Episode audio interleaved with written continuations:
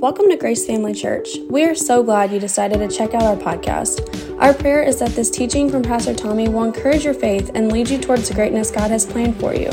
Thanks again for listening. We hope you enjoy this message. Um, you know, as I said, three Christmas gifts a Savior, a Redeemer, a King. And you know, at Christmas time, um, we see these, these three things a Savior, a Redeemer, or a King uh, you know, highlighted in Scripture and announced in the Christmas story that we see in the Bible. And, and, and, and as I think about those things, when conveyed in the right setting, with the right music, right, and the right lighting or the right nativity scene, um, those scriptures alone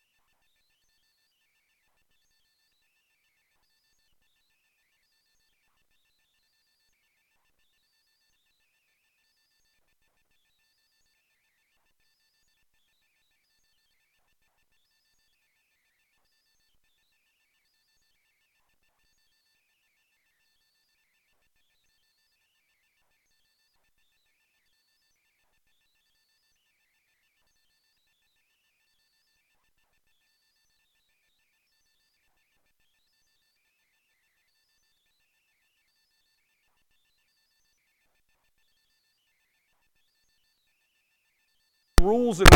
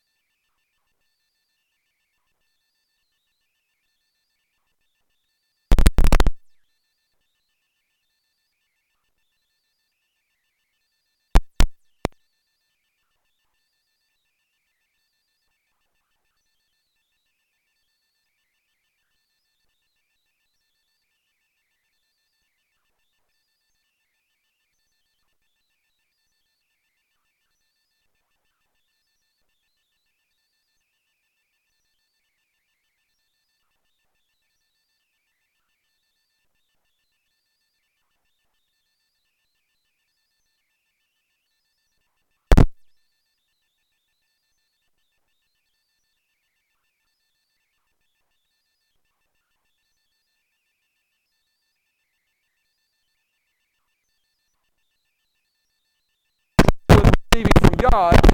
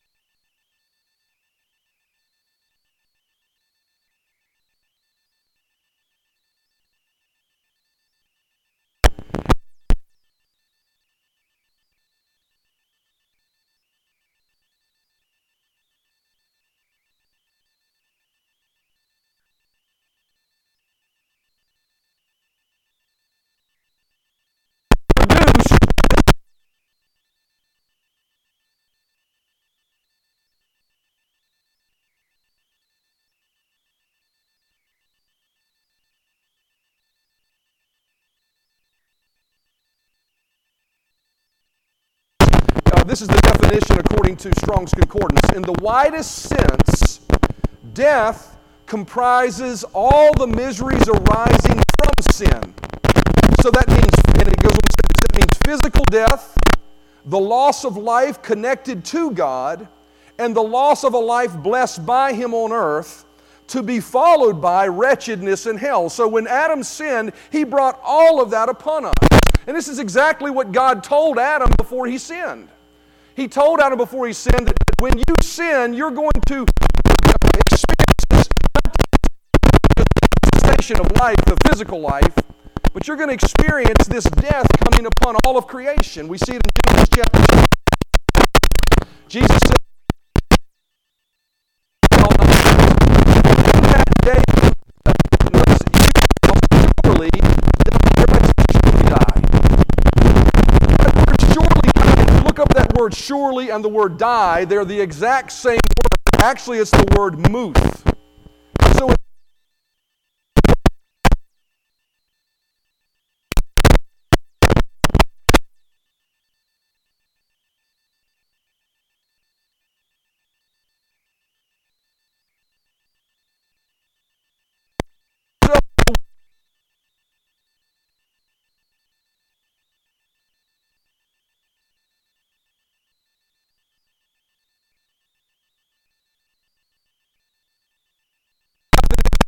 Of your life.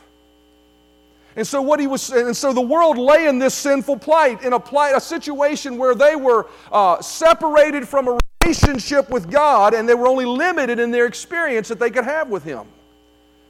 They were left to experience the corruption of a downward creation. And new age, and man has to die. And, and the earth, how many of you realize that if you in life that you have, it just gets older and it wears out? In Romans, Paul talks about the corruption of the world. It's a process that he's talking about there, that the world has this continual downward spiral, and, and, and the, the world system even has that. You have to fight against it, you have to press against it. That's why he told Adam that, you know, uh, when, when he sinned, he said, Look, you're going to have to burn it by the, downward spiral.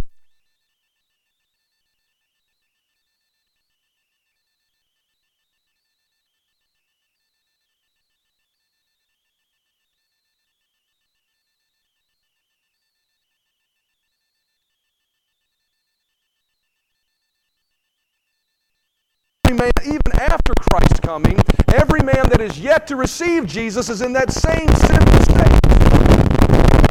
In that state of struggling with and, and, and fighting against life with only limited uh, involvement in God's life. Why? Because all of us have sinned. How many of you uh, this morning can, can attest to that?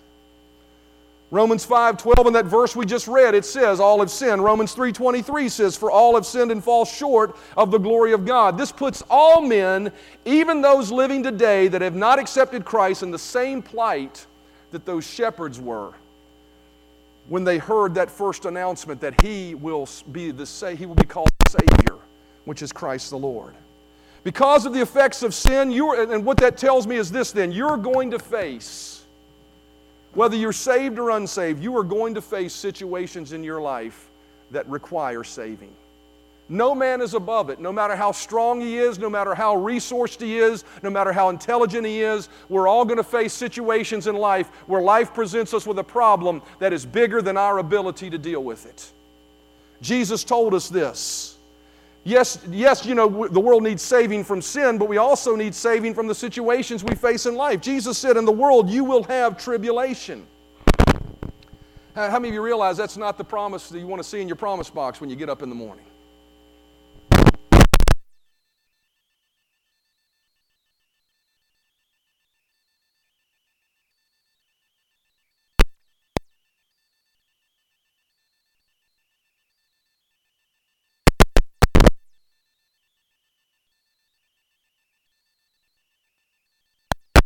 God come and redeem.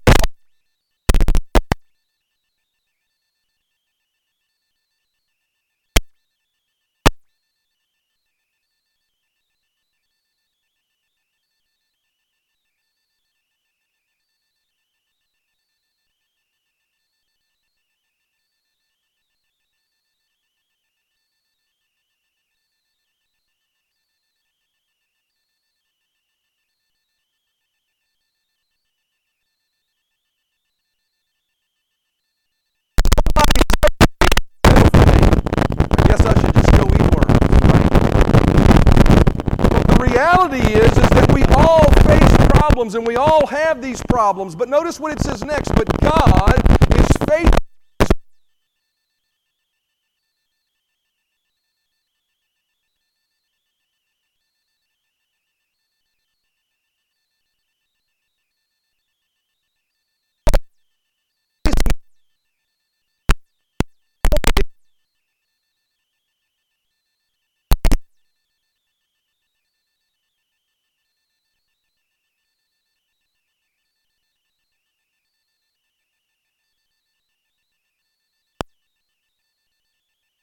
not leave us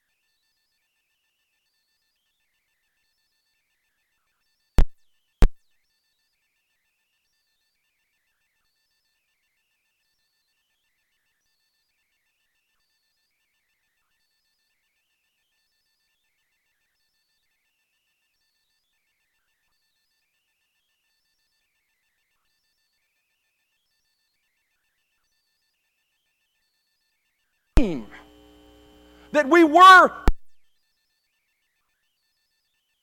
our mistakes and, and, and, and errors. But what this verse of Scripture tells us is that when Jesus died on the cross, what Adam conveyed upon us and that we experience when we do sin, Jesus removed it. Through his obedience and his death on the cross, we were made righteous.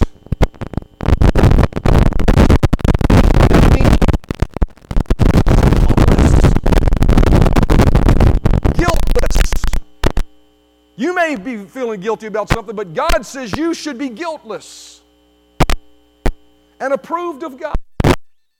See, this morning, here's a spot where you need to stay me. You need to understand your saving is not the product of your worthiness.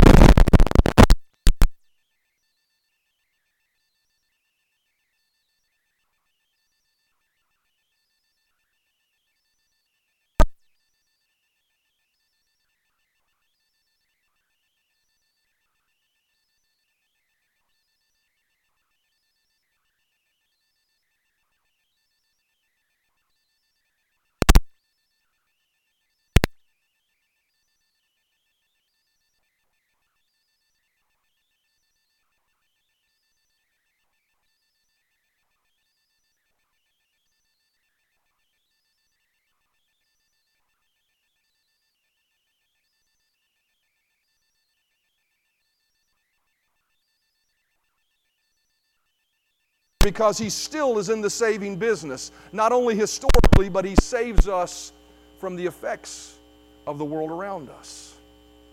The degradation and the corruption that Paul talks about that's in the world. The unexpected surprises that are not from the hand of God that set us back or surprise us or cause us to worry or be fretful. You qualify to be saved from those things as well this morning. As the musicians come, I want to encourage you that no matter what you're going through, just as He came running in the form of a baby in a manger and followed that through with His walk to the cross and His sacrifice for us, He is coming running towards you this morning. No matter what you're going through, the Jesus that saved you from your sins is the same Jesus that will save you from your problem. Zephaniah chapter 3 and verse 17 says this it says, For the Lord, everybody say the Lord. Anytime you see the word Lord in Scripture, you need to understand that that's referring to Jesus. The Lord your God is living among you. I'm going to read that again because you need to understand that. He is here this morning. The Lord your God is living among you. He is a mighty Savior. He will take delight in you with gladness. Doesn't sound like somebody that's unapproved that needs saving to me. With His love, He will calm all your fears. He will rejoice over you with joyful songs. Notice that word says He is a mighty Savior. When we call upon Him and we turn our hearts toward Him, no matter what we're going through, He is mighty to save. He is mighty to save.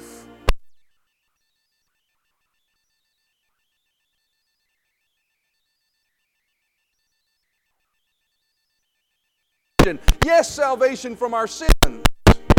Yes, a new birth experience in becoming a child of God. That's incredibly important, but also, I know many here have already done that, but you can be facing problems. You can call out upon Him, and He is mighty to save. Psalm 91 says, Because he hath set his love upon me. That means when we turn our hearts toward him, our affection toward him, our attention toward him, when we choose to honor him above the strength of the problem we're facing, because he has set a love upon his love upon me, therefore I will, will I deliver him. I, he will deliver you. He will deliver you. I will say it again He will deliver you. Close your eyes for a moment and say this with me with your own words. Say this say, He will deliver me. See, I just sense in my heart there are people here that love God, you love Jesus, you're serving Him, but there are things, there are mountains, there are things from which you need delivering. I want to encourage you, He is your Savior this morning. He will deliver you. You don't need to be fearful. You don't need to be worrisome. You can rest in His salvation, mighty arms. He will deliver. Notice again it says, Because He has set His love on high, because He has known my name. He shall call upon me. I will answer him. I will be with him in trouble, and I will deliver him. I have been praying over the last many months and shared this every time I preach. I believe God is a God of miracles. I believe that God is a God of miracles because He says He is in His Word, and I refuse to relent. I refuse to draw back. I refuse to waver in my belief that whatever you're facing, if it requires a miracle, God making something on your behalf, He will do it. He says, I will deliver you. He is a Savior that was declared to us. One that will reach down into the mess you're dealing with and pull you out. A Savior pulls you out by the sheer nature of the name. A Savior saves. It means we're going to be in places where life just gets in the way, but He will save you. Oh, I sense the Spirit of God. It's like I almost need to say it over and over and over again. He will save you. What are you facing this morning? It's not too to save. Why? Because unto you is born this day in the city of David a Savior, which is Christ the Lord. That word Christ means the anointed one. How does he save you? He saves you by the anointing, by the power of the Holy Spirit, by the anointing that resides upon him. He saves you, not by your ability, not by your strength, not by your might. He saves you. Often read verse of scripture, Isaiah 10 27 says, It shall come to pass in that day that the burden, that the burden will be taken away from your shoulder that the burden will be taken away from your shoulder. A Savior removes burdens. I'll say this, I've said this many times. Whatever you're carrying that's a burden for you, if Jesus carried it on His cross, it is not yours to carry on your cross. Yes, we have the burden of loving people that are unlovely. Yes, we have the burden of serving when our bodies maybe don't feel like it or when our will doesn't want to do it. But the burden of sin and its consequences is not yours to carry. He came to remove it as your Savior. And it shall come to pass that in that day that the burden will be taken away from your shoulder and the yoke from your neck. And notice this, and the yoke will be destroyed because of the anointing. That word destroyed means to utter, utterly, to, to, uh, to render utterly useless so that it can never be used again. Whatever the burden is you're carrying, God doesn't just want to save you from it, but while He's saving you from it, He wants to destroy that burden. He wants to destroy the thing that may be causing the problems. He is a Savior this morning. Luke 2 and verse 11 For unto you is born this day in the city of David a Savior, which is Christ the Lord. Does your life require saving in some capacity today? Is it salvation from your sins and accepting Jesus for the very first time? Then He's a Savior. Is it salvation from a situation that's become a burden in your life? He is a Savior. Is it something you've embraced? Is something that you'll have to carry the rest of your life? He is a Savior and can deliver you from it. Why? Because unto us was born that day in the city of David a Savior, which is Christ the Lord. Amen. Thanks for listening to our Grace Family Church podcast. We really hope you enjoyed this message. If this ministry has blessed you in any way, we would love for you to get connected. Just go to gfcva.info to learn more about who we are how to give to this ministry, or how you can get involved. Thanks again for listening, and we hope to see you soon.